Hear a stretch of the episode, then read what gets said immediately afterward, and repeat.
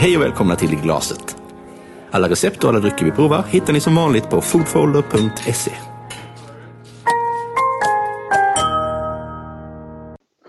Eh, hej alla och välkomna till ytterligare ett avsnitt av I glaset. Idag en liten specialavsnitt om Prosecco och Chianti. Eh, idag är det jag, Mark och Matilda och ytterligare en gäst andra gången i glaset. Välkommen Matteo! Welcome. Welcome, Hi. Matteo. My name is uh, Matteo Zonin. I work for uh, my family company called Zonin uh, 1821. Uh, we are based in uh, Italy, in particular in uh, Veneto region, northeast of Italy. But then, as a family, we have also different estates uh, all around Italy, 10 wineries in Italy, plus one in the United States and one in uh, Chile. I wanted to start with asking you because a lot of our consumers and listeners to the podcast, uh, I believe, drink a lot of Prosecco. So maybe you could just tell us what is Prosecco as a beverage? We know it's a sparkling wine, but could you tell us something more about it? Yeah, I mean, Prosecco, uh, as you know nowadays, is uh, is a boom. I mean, it's very extremely popular. Uh, also in terms of bottles produced, uh, I mean, we are talking about uh, many many bottles, million of bottles. Uh, also because the the region where Pro- Prosecco is produced is quite big. It includes two regions in Italy: Friuli, Venezia Giulia, and Veneto region. Uh, of course, compared to uh, the other more popular sparkling wine, which is a champagne, we are talking about different styles, different kind of flavors, uh, and different areas, of course. Uh, the main difference is definitely the, the way of production, because Prosecco uh, is made by a, a Charmat method, so with the very basically second fermentation in the steel tanks, while the champagne has the second fermentation in the bottle. Uh, actually, Prosecco is a wine which is uh, extremely approachable, uh, very easygoing, uh, good for actually any kind of food, in particular starters, um, I don't know, fatty food, oily food, uh, because of the characteristics of the Prosecco itself, because it's very uh, high in acidity, fresh. Uh, the bubbles can clean your your mouth uh, and clean your mouth. So it's um, 360 degrees, a, a wine that anyone can appreciate.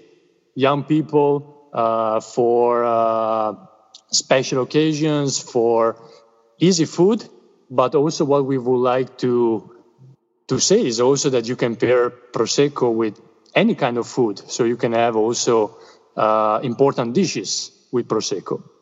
Would you say that? Because I mean, for prosecco, for me, uh, I didn't know anything about prosecco when I grew up, and I was born in the in the 80s. Would you say that prosecco is still sort of a young beverage coming into a market that it's that it's about to grow? Well, prosecco, uh, let's say, came out in uh, in the last years. I mean, as a so popular wine. Um, I would say in the last five years, ten years, we had uh, the boom. Um, or just because of the, the characteristics of the prosecco itself. I mean, it's much easier to to approach. Um, you can find prosecco everywhere, also, actually, and also don't forget also the uh, quality price ratio. Exactly. Uh, there is sort of a huge or substantial difference when you talk about cava or champagne as a sparkling wine as a price quality ratio, whereas I see prosecco sort of competing on an area still of its own, not trying to be better or at least trying to be something different. Would you agree? It's not really Yeah, absolutely. We have a totally different style compared to the other sparkling wines. Uh, Prosecco can be appreciated by anyone, really, uh, for any occasion, for uh, any kind of people, females, males. Uh, it's very easy, easy wine on one side, but on the other way, you know, it's uh, it's a wine where you need uh, technique. Also, yeah. uh, our wine, our prosecco, is made also with, uh, let's say, some tricks in order to save the freshness, the fruitness, the citrusy aromas. Uh, it's not just, you know, pressing the grapes, have a couple of fermentation, uh, and it's done. Not really like that. The, the process exactly. is not as long as the champagne, but um, would you say, yeah, would you say prosecco as a region could is it better situated geographically to maintain a good vintage average with this particular uh, climate, let's say, to save the the main characteristics of the prosecco and the white wines in general. So the aromatic notes, the freshness, the drinkability.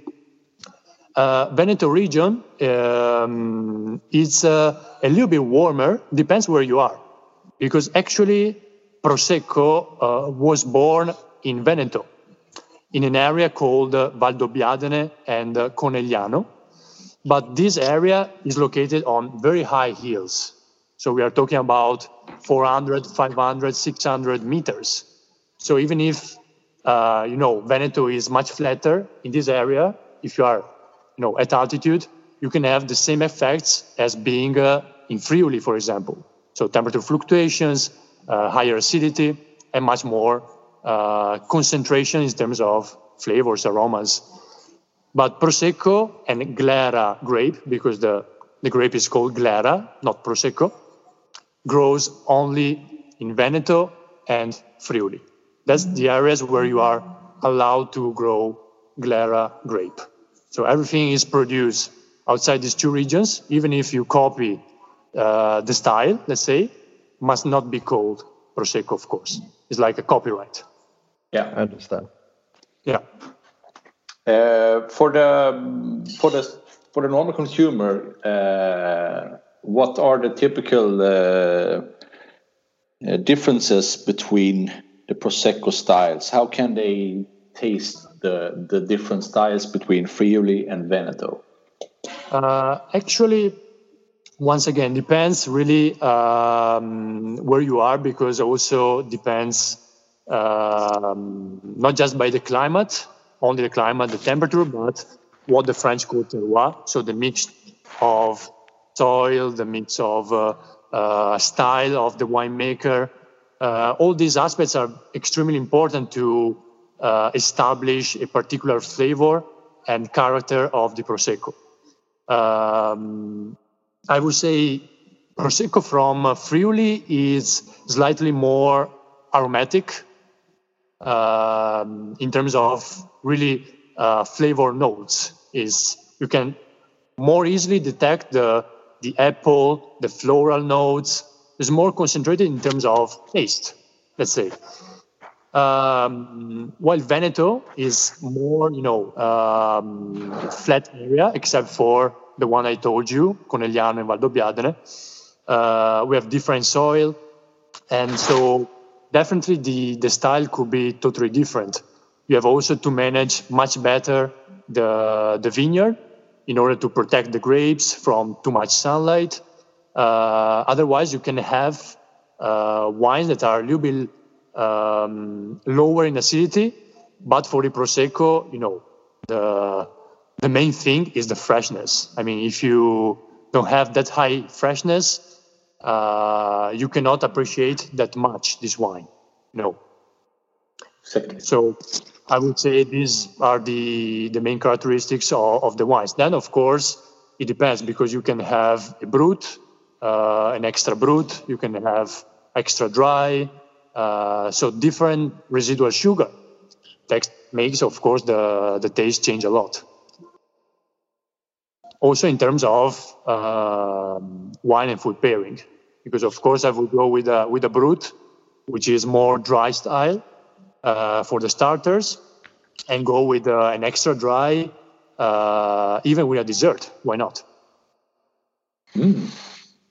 No, wine nice. pairing is always uh, mm, is no more a thing of rules. To me, it's much better to experience, to try, than you know could be totally disaster that it failed, but could be the best uh, pairing you you ever you ever done. Yeah. Do you have some some good funny examples of uh, pairings with prosecco that Well, are a little bit outside the box? Uh, typically, you know, when you have prosecco, you go mostly with uh, also something which is in Italy regional. So since you are next to the seaside, you go with uh, uh, with seafood, with shellfish, uh, with crab, uh, this kind of um, seafood, or even with raw seafood. Uh, another good pairing would be with sushi that nowadays uh, I think also in Sweden is uh, exploding everywhere. In Italy it is. So you have a sushi bar uh, behind every corner. Uh, you can try, I don't know, something, um, why not? To try something spicy. To try because Glera Prosecco is lightly aromatic, and with uh, spicy food, you can have actually uh, good surprises.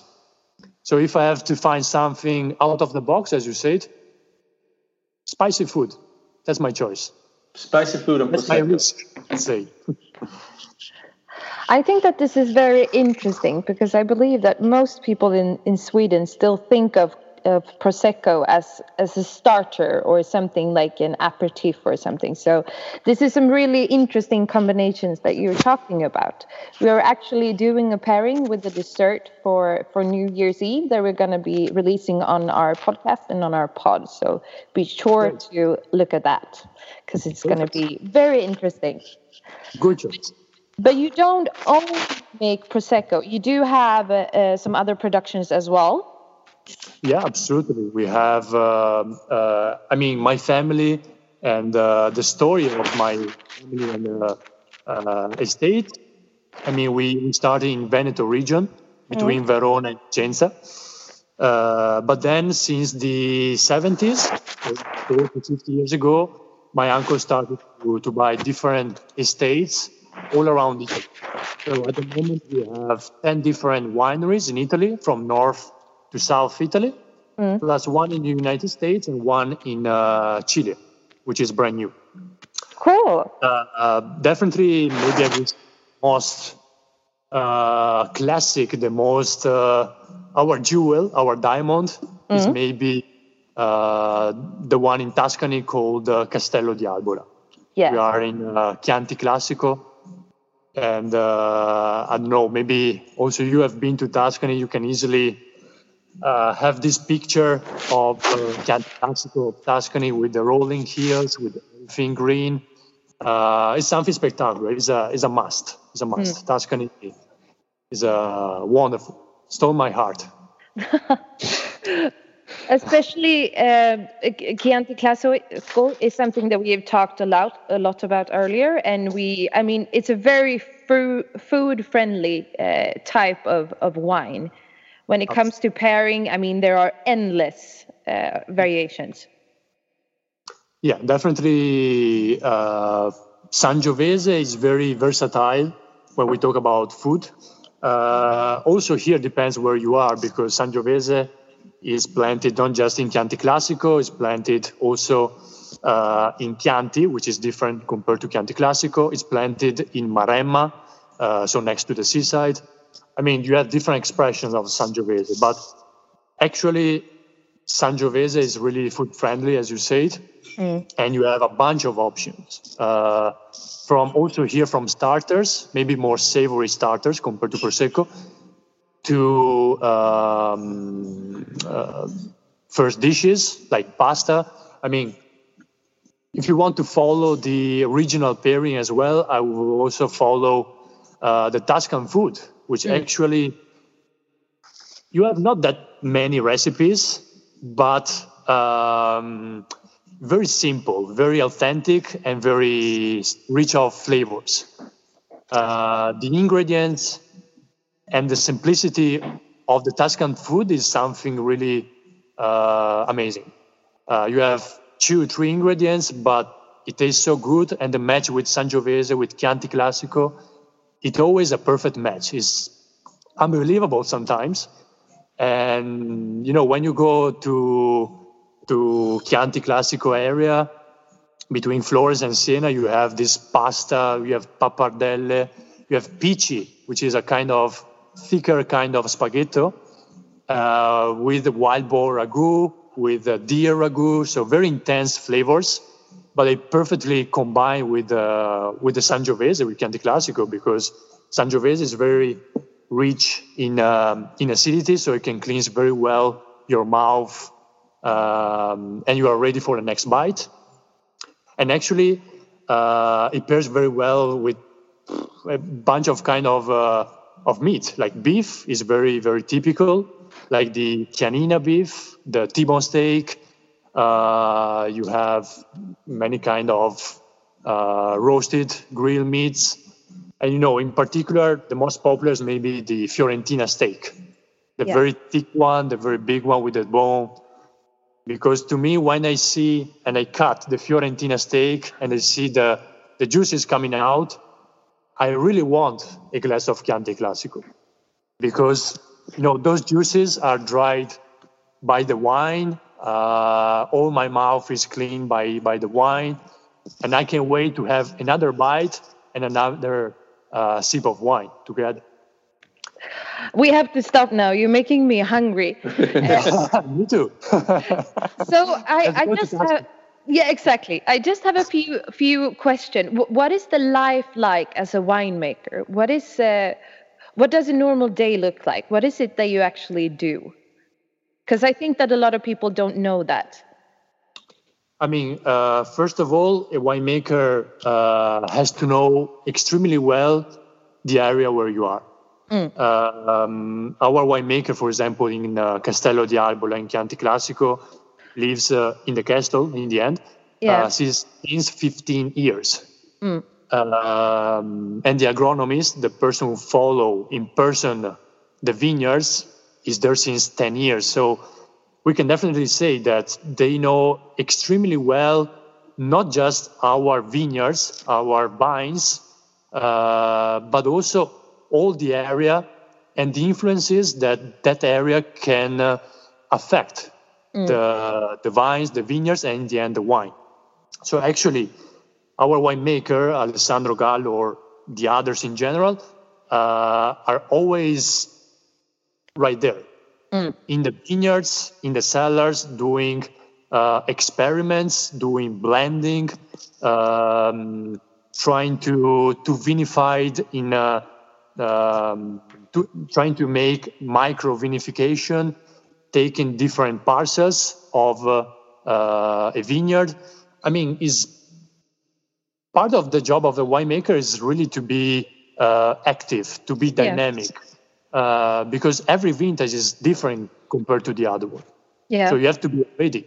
You have to know uh, how to manage the grapes during the harvest, and um, and also how you work in uh, in the cellars.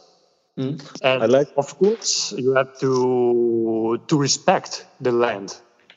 So our winemakers um, are really focused on the healthiness of the estates, of the soils, and that's why also in Castello di Albola, in Chianti Classico, and uh, our estates in Maremma, in southern Tuscany, we are already certified sustainable.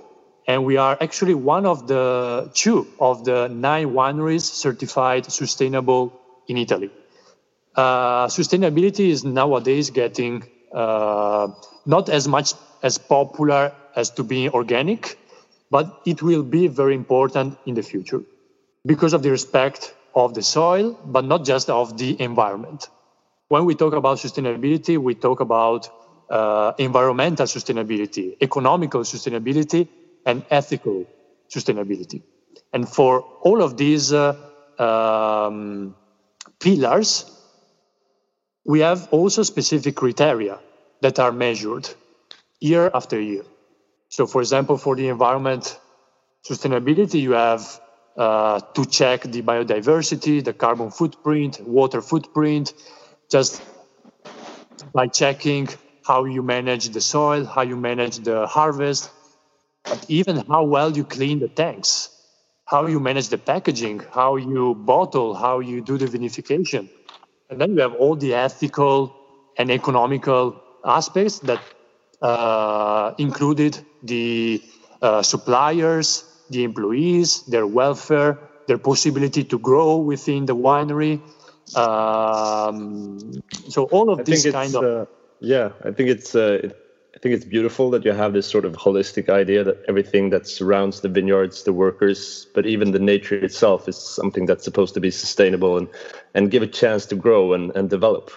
Um, I want to go back to to a few words you said before when we were talking about vintage variation and the difference of Veneto and Tuscany. I think a lot of the our listeners, when we're talking about a vintage, what actually what is a what is a good wine vintage? Uh, you don't have to say specifically in Tuscany or in Veneto, but I think for our listeners to to understand from your words, when you talk about a good vintage, what does that actually mean in terms of maybe climate, sun, warmth? Yeah.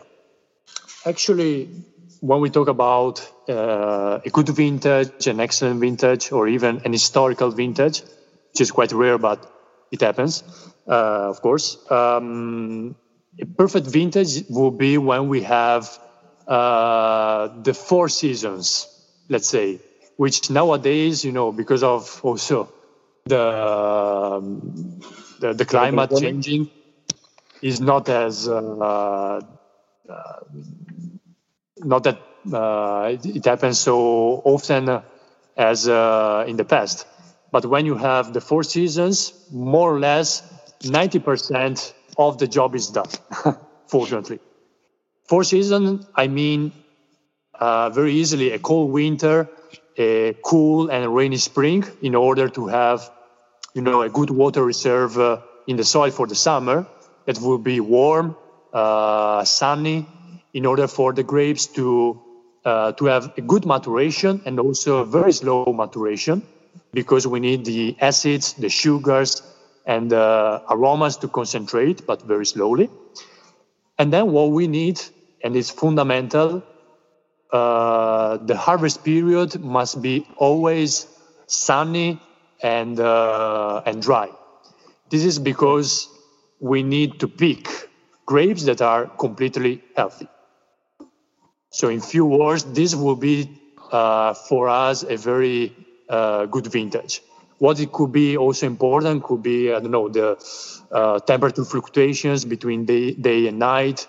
Uh, could be, you know, a thunderstorm in August at the right moment when we are suffering a little bit. But, you know, vines are very strong plants. They can uh, suffer uh, in extreme conditions Okay, well, thank you so much for your introduction to Prosecco and to the Chianti area as well. Uh, thank you so much for joining us. It was a pleasure, and I'm sure that all of us will be uh, going home cooking a lot of good things for for tonight and pairing it all with Prosecco, obviously. Absolutely. Thank you so much for your invitation. Uh, the pleasure was all from uh, from my side. Hope to give you a good idea of the of the wines, few of the wines we produce, the areas, and some uh, good pairings. So now we are ready to to cook at home, pairing with uh, outstanding wines. Perfect. Thank you very Thank much. you so much. Alla recept och alla drycker vi provar hittar ni som vanligt på foodfolder.se.